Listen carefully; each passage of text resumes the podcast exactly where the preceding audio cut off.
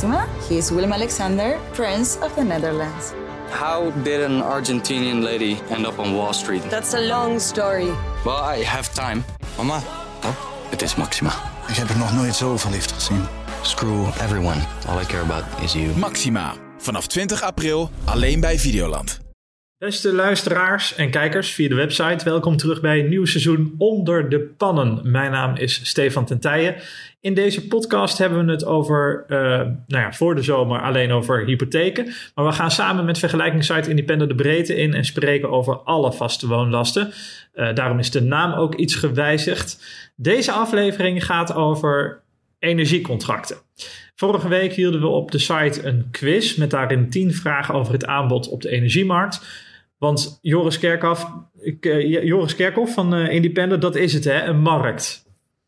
Ja, in Nederland kunnen mensen eigenlijk vrij gemakkelijk overstappen van eh, leverancier.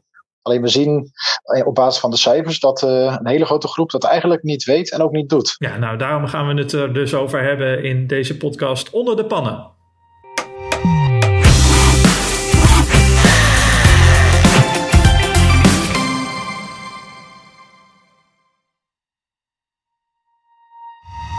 Ja, Joris, eerst eh, even de introductie. Jij werkt bij Independer. Wat, wat doe je precies? Hoe heet jouw functie? Klopt, ik ben eh, zeven jaar werkzaam bij Independer en ik ben domeinmanager energie. Dat betekent eigenlijk dat wij met een eh, enthousiast team van collega's verantwoordelijk zijn voor de energievergelijker bij Independer. En wij bieden consumenten in Nederland eigenlijk een hele makkelijke manier om de, de verschillende energieleveranciers te vergelijken met elkaar op basis van prijs en kwaliteit. Dan kun je ook nog overstappen als je dat wil. Ja, nou ja, heel goed. Nou, voor wie eh, nog niet eerder luisterde, ik ben Stefan. Ik ben redacteur Wonen voor het Algemeen Dagblad. En ook de aangesloten regiokranten. Eh, nou, vorige week maakte ik samen met eh, Joris een quiz op onze site. Er hebben best wel wat mensen, een paar duizend mensen aan meegedaan, geloof ik. Ehm, en in die quiz hebben we voornamelijk stellingen gewoon geponeerd en gekeken van oké, is die waar of onwaar? Dat was de vraag. En eh, nou, aan de hand daarvan komen we eigenlijk wel interessante eh, dingen tegen. Waardoor we zeggen van nou laten we dat eh, zo goed mogelijk uitleggen ook tijdens deze podcast. Dat is eigenlijk het idee van deze podcast. Ehm, ja, bijvoorbeeld de, eerste vraag ging over groene stroom. Ehm, eh, hè, dus, dus groene stroom is niet altijd duurder dan grijze stroom, was de stelling. Ja, wat, wat was het antwoord op die vraag, Joris? Groene stroom hoeft inderdaad niet eh, duurder te zijn dan grijze stroom. Sterker nog, eh, er zijn energieleveranciers die bieden groene stroom. En die zijn goedkoper dan leveranciers die grijze stroom bieden. Alleen je merkt wel dat mensen ja, toch vaak het stickertje duur plakken aan, eh, aan duurzaamheid, aan biologisch. Weet je, dat, soort, dat is eigenlijk wel gebruikelijk dat mensen denken dat dat duurder is. Maar voor energie is dat zeker niet het geval. Ja, en dat heeft ook te maken met het feit dat er natuurlijk subsidie eh, wordt gegeven op groene stroom. Hè? Ja, de overheid eh, biedt energieleveranciers subsidie als zij eh, groene stroom leveren aan klanten. En dat is ook ja, natuurlijk ook wat de overheid eigenlijk graag wil. Dat we met z'n allen een stukje duurzamer worden. Dus daar hebben ze graag wat geld voor over. En energieleveranciers zien dat klanten in Nederland eigenlijk ook waarde hechten aan de duurzaamheid. En bieden dan ook eh, vaak wat scherpere tarieven. Zodat die klanten ook eh, enthousiast kunnen maken om naar hun toe te komen.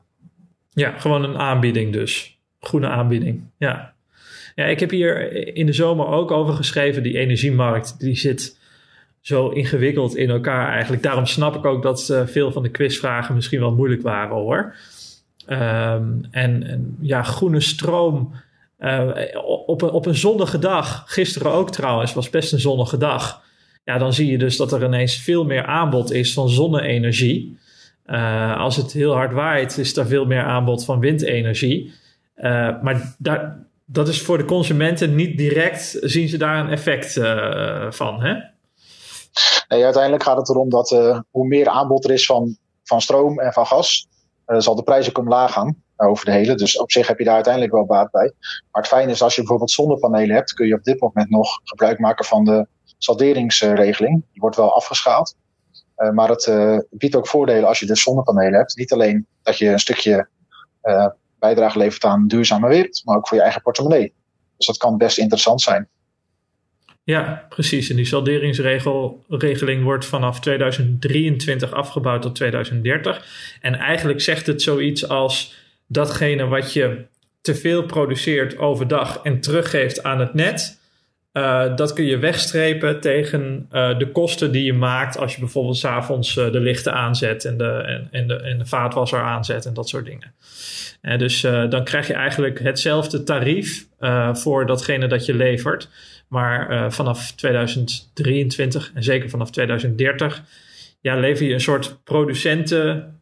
Um, word je een soort producent. Dus datgene dat je teruglevert, krijg je dan maar het, het producenten um, aandeel van. En dat is een, een stuk lager tarief dan, uh, dan, dan, dat je, dan dat je zelf betaalt als consument natuurlijk. Dus uh, uh, nou ja, dat is minder um, aantrekkelijk dan voor je portemonnee. Nog steeds wel duurzamer natuurlijk. En de verwachting is nog steeds dat uh, zonnepanelen wat goedkoper worden en dat de terugverdientijd zo rond de 7, 8 jaar uh, blijft. Misschien een keertje 9 jaar, ligt een beetje aan hoeveel van de energie je natuurlijk ook zelf uh, verbruikt. Hè? Dus, uh, Wij hebben een grote boom voor ons huis staan, dus het is misschien aan die kant niet zo handig om daar zonnepanelen neer te leggen. Nee, nee, ook dat, uh, dat zijn allemaal effecten. Maar goed, over zonnepanelen kunnen we misschien nog een keer een hele nieuwe podcast kunnen we daaraan wijden. We blijven heel even bij die stellingen die, die gedaan zijn. Een van de stellingen was ook, als je overstapt naar een andere, andere maatschappij, kan het zijn dat het voorschotbedrag hoger ligt dan beloofd. 1 op de 4 had dat fout. Uh, dus best wel veel mensen dachten van nee, dit, uh, dit, dit, dit kan niet waar zijn. Maar het is wel waar. Dat is helaas waar. Het liefst wil je natuurlijk dat de prijzen helemaal uh, gelijk zijn. Als je vergelijking maakt. Alleen als klanten een vergelijking maken, dan vullen ze het geschatte verbruik in. En op basis van dat geschatte verbruik bieden we de mogelijkheid om bieden we de klanten de mogelijkheid om te vergelijken. En dan tonen we het geschatte maandbedrag. Als je dan uh, overstapt, dan krijg je een mail van de leverancier. En die rekent uh, vaak een ander bedrag wat je dan gezien hebt. Dat heeft eigenlijk te maken met drie zaken. Eén, met de welkomstkorting. De welkomstkorting verrekent de energieleverancier op het eind, aan het eind van de looptijd. Dus die rekent hij niet mee in het voorschotbedrag per maand. Daarnaast kijken leveranciers niet naar het afgelopen jaar van je stroomverbruik, maar de afgelopen drie tot vijf jaar. Dus dat betekent dat je je jaarverbruik eh, de afgelopen jaren wat kan fluctueren. En op basis daarvan schatten ze eigenlijk in wat je voorschotbedrag moet zijn. En als derde oorzaak komt het omdat sommige leveranciers bieden een iets hoger voorschotbedrag aan, zodat je aan het eind van de looptijd een klein meevalletje hebt. Ze nemen dan eigenlijk het risico een klein beetje weg dat je te laag voorschotbedrag betaalt en daardoor aan het eind van het jaar een, eh, wat hogere rekening moet betalen. En daar willen ze klanten een beetje voor waken. Het fijne is wel dat het voorschotbedrag wat je uh, krijgt, eigenlijk kan je aanpassen. Uh, op de site van de energieleverancier kan je inloggen. Dan kan je het voorschotbedrag bij de meeste leveranciers aanpassen. let er dan wel op als je dat aanpast. als je dat lager zet, kan het zijn dat je dus uiteindelijk een hogere rekening moet betalen, omdat je elke maand net iets te laag voorschotbedrag hebt betaald. Maar heb je dat nou iets te hoog ingeschat, dat doen ook klanten ook, dan heb je aan het eind van het jaar een meevalletje. Die welkomstbonus komt erbij, maar ook eigenlijk het te veel betaalde uh, voorschotbedrag krijg je dan terug. En we zien dat klanten dat ja, toch leuk vinden, zo'n klein meevalletje te hebben aan, aan het eind van een looptijd. Uh, ja, je hebt natuurlijk ja. wel iets hogere maatlasten, maar ja, het is lekker als je gewoon in één keer een, uh, een paar honderd euro op je rekening bijgeschreven krijgt. Kun je leuke dingen mee gaan doen natuurlijk. Ja, dus het voorschotbedrag is gewoon het bedrag dat je maandelijks overmaakt aan je energieleverancier. En dat is meestal een vast bedrag. Uh, gelukkig heb je nu met die slimme meters en zo dat je ook online kunt kijken van goh, hoe zit ik een beetje in, in het verbruik? Hè? Zit ik tegen dat voorschot, voorschotbedrag aan of een stuk lager, waardoor ik aan het einde van het jaar geld terugkrijg? Of moet ik nog geld bijbetalen aan het einde van het jaar? Tenminste, ik vind dat wel leuk om een beetje in de gaten te houden. Ik denk, uh, terwijl ik naar je zit te luisteren, wel dat het dit jaar misschien anders gaat zijn. Hè? Omdat we veel thuis uh, zijn, thuis werken. nou ik heb hier nu ook de hele dag de verwarming aanstaan ehm, vanuit huis. omdat ik vanuit huis werk. dat zal niet iedereen hebben, maar een, een, een deel van de mensen wel. Ja, die moeten misschien rekening houden met een tegenvalletje, of niet? Ja, ik heb de verwarming zelf hier ook aan. Het is zeker in de koude periode iets behagelijker natuurlijk om niet te verkleunen van de kou. Kun je natuurlijk tegen kleden, maar het is lekker om gewoon een goede temperatuur te hebben. En wat we zien is dat vooral het opstoken van, van, de van, de, van de de temperatuur s ochtends, dat dat eigenlijk het meeste verbruik oplevert. En de hele dag aan laten staan, dat valt dan een beetje mee. Maar uiteindelijk, op basis van de koude maanden en de verwarming, hebben we uitgerekend dat klanten zo'n 9% uh, procent meer moeten betalen uiteindelijk op een totaalrekening. Dus dan maken ze iets meer kosten. En dat is natuurlijk wel balen, want ja, je hebt er niet om gevraagd. corona is nu helaas aanwezig en hebben we mee te maken ja, dus ik kan me voorstellen dat mensen dat wel ja, jammer vinden dat de energierekening dan toch uiteindelijk iets hoger komt te liggen. Aan de andere kant, als er een hele milde winter gaat zijn komen, ja, komende periode, dan kan het ook best zijn dat de stookkosten toch wat lager liggen dan, dan misschien een wat koudere winter. En zo kan het wel weer met elkaar weggestreept worden.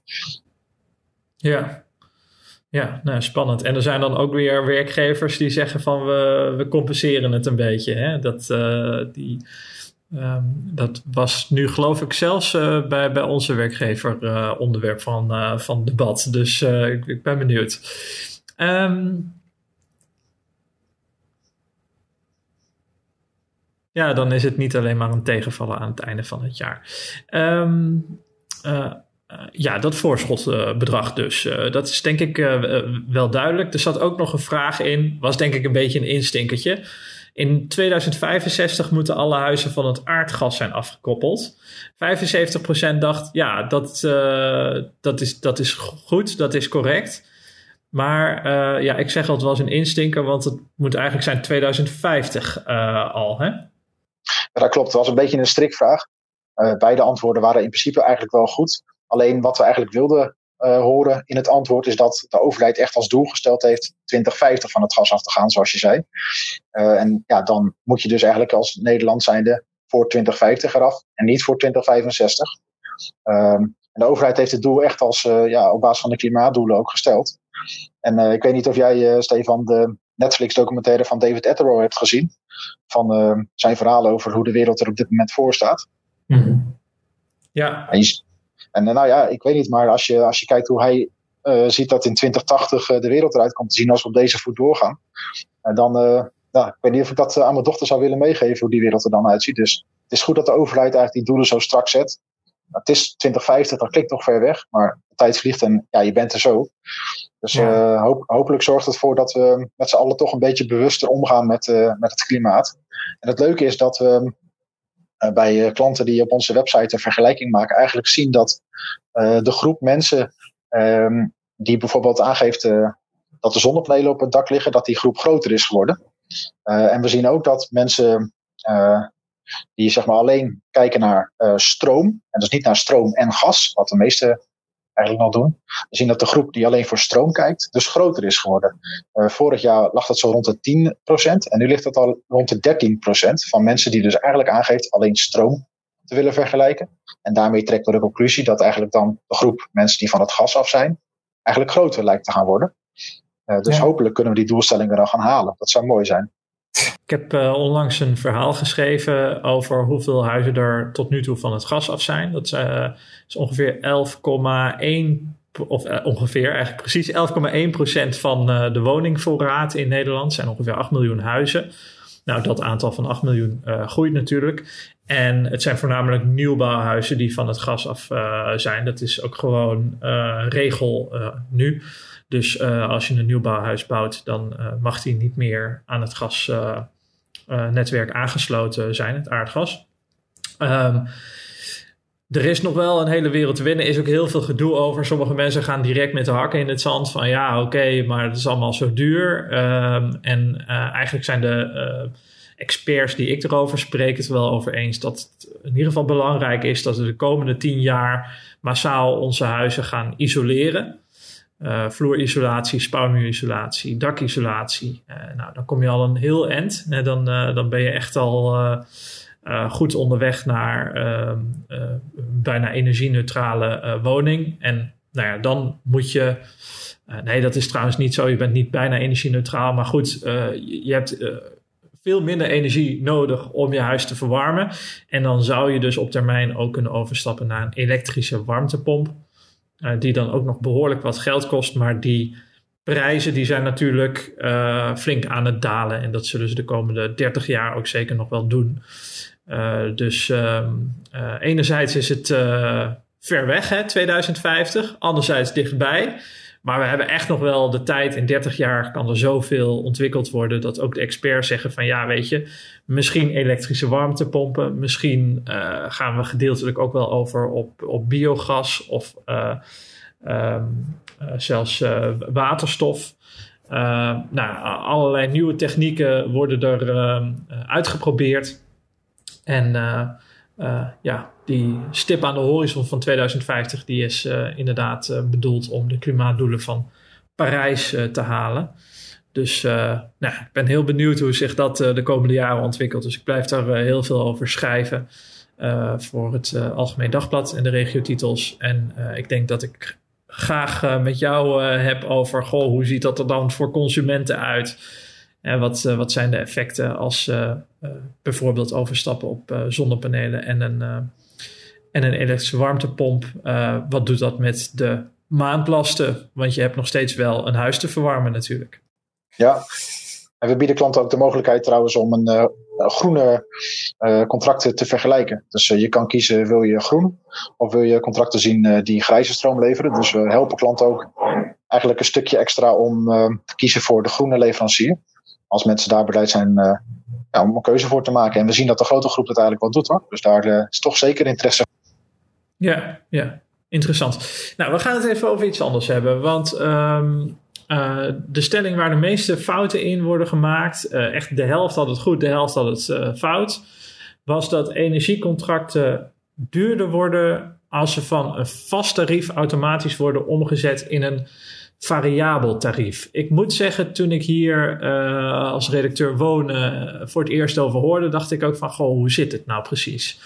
Um, ja, kun je, kun je uitleggen, waarom klopt die stelling? Dus waarom is het zo dat energiecontracten duurder worden op het moment uh, dat een vast tarief een variabel tarief wordt? Ja, als klant kies je, als je overstapt naar een leverancier, voor een bepaalde looptijd kan je kiezen voor bijvoorbeeld een jaar. Of je kiest voor een variabele looptijd. Maar veel klanten kiezen voor een jaar. Als dat jaar afloopt, dan krijg je van je energieleverancier een voorstel. Dat voorstel is vaak een voorstel voor een variabel contract. Dat biedt je de mogelijkheid om er ook makkelijk vanaf te kunnen. Aan de andere kant uh, zie je dat dan de variabele contracten één keer per twee jaar, nee, twee keer per jaar de tarieven opnieuw worden vastgesteld. Dat brengt voor de energieleverancier een beetje onzekerheid met zich mee. En die onzekerheid proberen ze af te dekken door een iets hoger tarief in rekening te brengen. Maar als je bijvoorbeeld uh, overstapt en voor een jaarcontract gaat, dan krijg je ook een welkomstbonus. En die welkomstbonus zit er niet op de variabele contracten. Dat maakt ook dat de vaste contracten met een looptijd van bijvoorbeeld 1, 2, 3 of 5 jaar wat goedkoper kunnen zijn. En hoe hoger ook de looptijd is die je vastzet, hoe hoger de welkomstbonus kan zijn. En is het dan niet zo, want nu is de energieprijs heel laag. Hè? Dat was trouwens ook een van de vragen uit de quiz. De energieprijs is heel laag. Uh, is het dan niet zo dat het variabele tarief, nou dat gaat dan direct mee omlaag, dus dan betaal je toch minder voor een variabel contract? Of klopt dat niet? Ja, je betaalt op het moment dat die prijzen dan naar beneden worden bijgesteld, betaal je dan inderdaad iets lager. Alleen ze, ja, de onzekerheid is dat ook die tarieven weer wat omhoog kunnen gaan. Dat zien we nu trouwens ook gebeuren. In het begin van het jaar lagen de tarieven echt historisch laag. Inmiddels kruipen ze weer een klein beetje omhoog. Zijn ze nog steeds veel lager dan afgelopen jaar, maar ze zijn weer wat aan het stijgen. als de economie hopelijk, als corona voorbij is, weer een beetje aantrekt, dan zul je zien dat die, dat prijzen ook weer wat gaan stijgen. Uh, en ja, die onzekerheid die leveranciers hebben, naast de prijsfluctuaties, maar ook het feit dat je als klant natuurlijk er ook gewoon ieder moment van af kan. Die onzekerheid proberen ze eigenlijk af te dekken door een iets hoger tarief te rekenen. Ja, maar hoe weet je nou als consument of dat je een, een vast of een variabel tarief hebt? Ja, je, je krijgt uh, van de energieleverancier maandelijks krijg je communicatie, waarin je eigenlijk ziet wat je uh, maand uh, voorschotnota is, waar we het net over gehad hebben, maar ook wat je, wat je tarieven zijn. Zij zijn verplicht namens de autoriteit Consumentenmarkt om als energieleverancier de klanten goed op de hoogte te brengen. en daar staat dan onder andere ook in wat, je contract, wat voor contract je hebt en wat de looptijd is van het contract. En als het een variabel contract is, staat het ook duidelijk uitgelegd dat het een variabel contract is. Als er een looptijd is, bijvoorbeeld van 1, 3 of 5 jaar, dan zie je uiteindelijk ook de einddatum van een bepaald contract. Heb je een driejarig contract, dan zie je de einddatum van, nou bijvoorbeeld nu is 2020, dan zie je 2023 staan. Uh, dat als einddatum. Uh, en dat is belangrijk dat je dan uiteindelijk aan die einddatum houdt. Want als je eerder overstapt, moet je misschien een boete betalen. Het is belangrijk om te kijken naar die nota. En we zien trouwens ook als mensen vergelijking maken dat ze nog wel eens die papieren die bij zich hebben. Wij adviseren daarom, geef een tipje mee om de communicatie die je hebt ontvangen van de energieleverancier, om die eigenlijk te gebruiken uh, voordat je een vergelijking gaat maken. Ja, want dan kun je pas eigenlijk uh, goed vergelijken. Um, Oké, en als het nou, want je zegt dan moet je een boete betalen als je, als je wil overstappen. Dat is alleen als je een vast contract hebt. Als je een variabel contract hebt, uh, of een, een, contract met een variabel tarief, zo moet je het eigenlijk zeggen, dan, dan hoef je geen boete te, betalen. Stel nou dat ik een contract heb dat nog, nog tot 1 mei 2021 loopt. Um, loont het dan voor mij nu om die boete te betalen, denk je? Of? Ja, jij, je boete betaal je pas vanaf binnen een half jaar. Als je binnen een half jaar overstapt, dan betaal je geen boete. Maar dus in, jou, in jouw geval zou je, zou je dat kunnen doen. Daarbij helpt het ook dat de tarieven op dit moment zo laag zijn. Dat je waarschijnlijk, ja, mocht je een kleine boete betalen van 50 euro, dan is dat eigenlijk snel verrekend. Wat we wel zien is dat mensen die in een langer contract zitten ook een hogere boete moeten betalen. En de boete is dan maximaal 250 euro. Dus hoe langer je contract nog loopt, kijk dan even goed ja, of het zinvol is om over te stappen. Maar uh, je kan misschien beter dan nog even wachten. Ja, tenzij je een rekenmachine hebt en je gaat hem uitrekenen die boete dan, uh, je die boete dan kan betalen. Maar veel Nederlanders doen dat op die manier niet. En ja, daarom adviseren we ook om gewoon even te kijken wat je looptijd is. En dat voor jezelf na te gaan. Ja, is het nu verstandig om, uh, om een vijf jaar vast te zetten, de energieprijs? Nou, de tarieven zijn op dit moment dermate laag dat het best interessant kan zijn om uh, wat langer vast te zetten.